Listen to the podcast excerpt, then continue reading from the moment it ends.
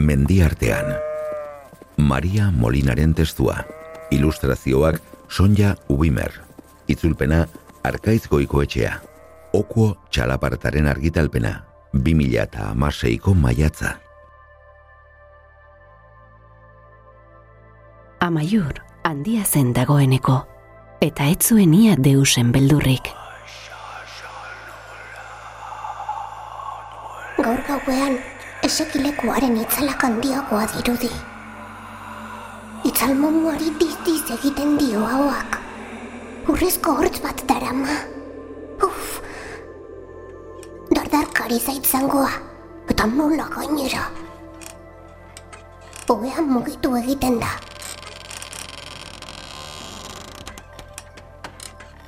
Atearen heldulekuak bira egin du. Oi! Honek atzaparrak ditu. Txistu hotzak entzuten dira.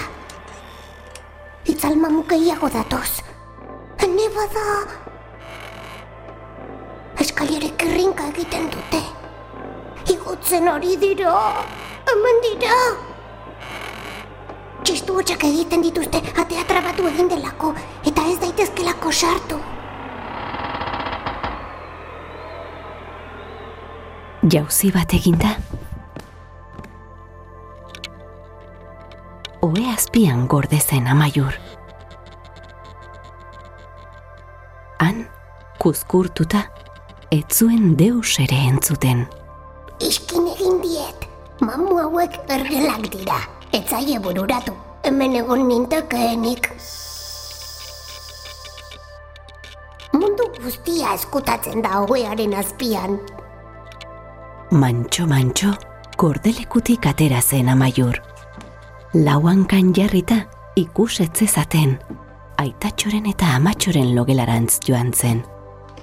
Bere abenturaren berri eman naizien, guzti-guztia kontatu. Arrigarria zen, atea itxita zegoen. Atetik hurbil-hurbil jarri zen ikertzeko, eta adi-adi entzun zuen. Aitatxori, arnasa nekatua sumatzen zitzaion. Mendira joaten zenean bezala. Eta amatxori ere bai? Hala! Mendi bat atera zaie. Hau mamuen kontua da. Kexu zen ama. Urkatila bihurritu du. Badirudi min egiten diola. Hemendik, Erantzun zuen aitatxok. hemendik. Berriz ere bidezidorren batetik sartu izango zen aitatxo. Nahiko mendipikoa izan behar du. Amari atxa falta zaiota. Gero niri esango dit. Hain beste traste eramango ez bazenu, azkarrago joango zinateke amaiur. Nolako motxila zarra ote darama berak.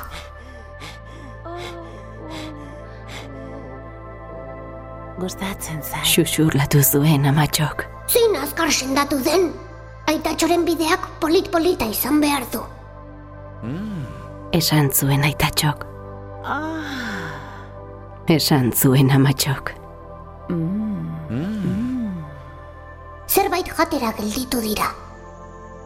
Amatxok tortilla bat egin izango du, seguru. Aitatxo atzak miazkoatzen ari da. Hori zortea. Beraiei mendi bat jarri diote mamuek. Eta niri zaratatxoak eta tximinokeriak bakarrik egiten dizkidate. Ba, nik ere nahiko dut oeko mendietara igo eta patata tortilla jan. Aitatxo eta amatxo igotzen hasi ziren berriz.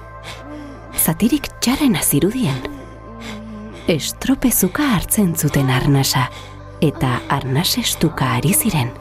Ai, Ai, ai, ai, ai. Lagundu egin nahi nuke, baina tea... Bapatean, amatxok oiu egin zuen.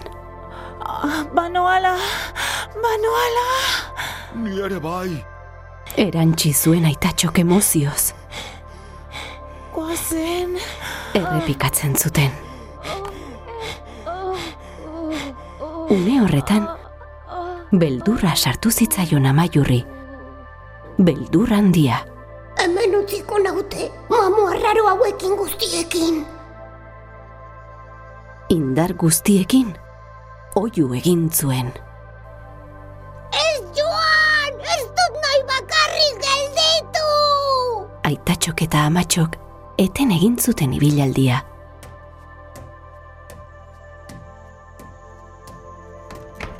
Kamisoia nola nahi jantzita agertu zen amatxo, ileak nahasita eta izerditan hainbeste mendirengatik. Amaiur, zertan ari zara hemen? Galdetu zuen. Ara gure amatxo. Matxinek ere aurpegi hori bera izaten du. Andere inokik askelan jaten harrapatzen duenean. Itzal mamuak etorri dira, eta ni eskutatu egin naiz. Eta aspertuta zeudenez, mendi bat jarri dizuet teoean. Lo egin behar duzu amaiur, berandu da. Esan zuen aitatxok aurpegia gorri-gorria zuela hainbeste igota. Bai, baina... Aitatxok atza ahoan jarri eta beste baterako utzi zituen galderak. Besotan hartu zuen eta handik begiratu bat eman zion logelari. Etzen mendirik ageri. Ui, mamuek azkar-azkar kendu dituzte. Izutu egingo ziren nire oiuekin, eta gudu zelai bat bezala utzi dute dena. Arropa lurrean barrena. Aitatxok eta amatxok lotaratu egin zuten eta musu bat eman zioten. Zenbat mamu burutxo horretan. Xuxurlatu zuen amatxok, Orain, lotara. esan zuen aitatxok. Baina amaiurrek ez zuen logalerik. Nik ere ibili nahi dut oean mendi artean.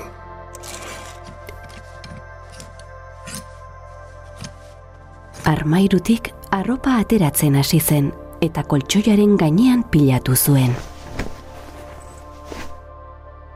Arropa meta oso handia etzenez, sofako kusinen bila joan zen. Korridoretik aitatxo eta amatxo entzun zituen.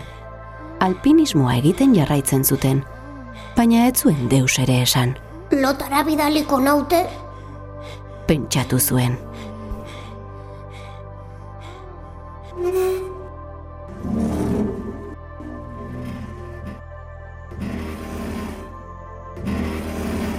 Mendi handi handi bat egin zuen.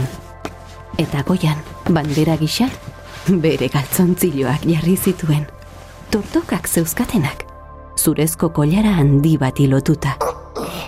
oskola duela dirudi. Dortoskola deituko diot. Aspaldi aspaldiko hitza baita. Eh, amonak esan zidan, latina ikasi zuen eta Amaiur, mantxo-mantxo igotzen hasi zen, ez nekatzeko. horrela gutxiago nekatzen da bat.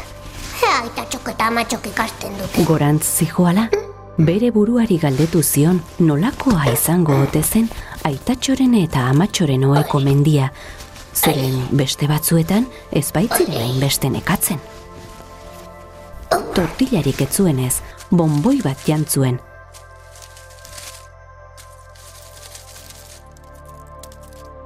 Eta ia tontorrean zela, alaxe esan zuen. Mm, Aitatxok eta amatxok bezala. Gailurrean, dortoka lotxatien abestia kantatu zuen, andereinok eskolan erakutsia. Eta itzal mamuak ez ziren agertu ere egin, Ez baitakiten mendiak igotzen. nekatuta zegoen. Eta bonboi bat miazkatzen ari zela, loak hartu zuen.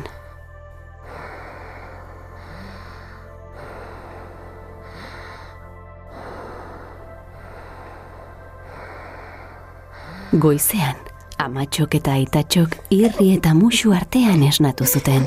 Amaiur. Pozik zeuden, eta ez ziren aserretu trapuzko mendiagatik eta desordenagatik. Nire logelak haienaren antza du eta neronek ikusia. Azaldu zioten etzirela ibili mendiak igotzen.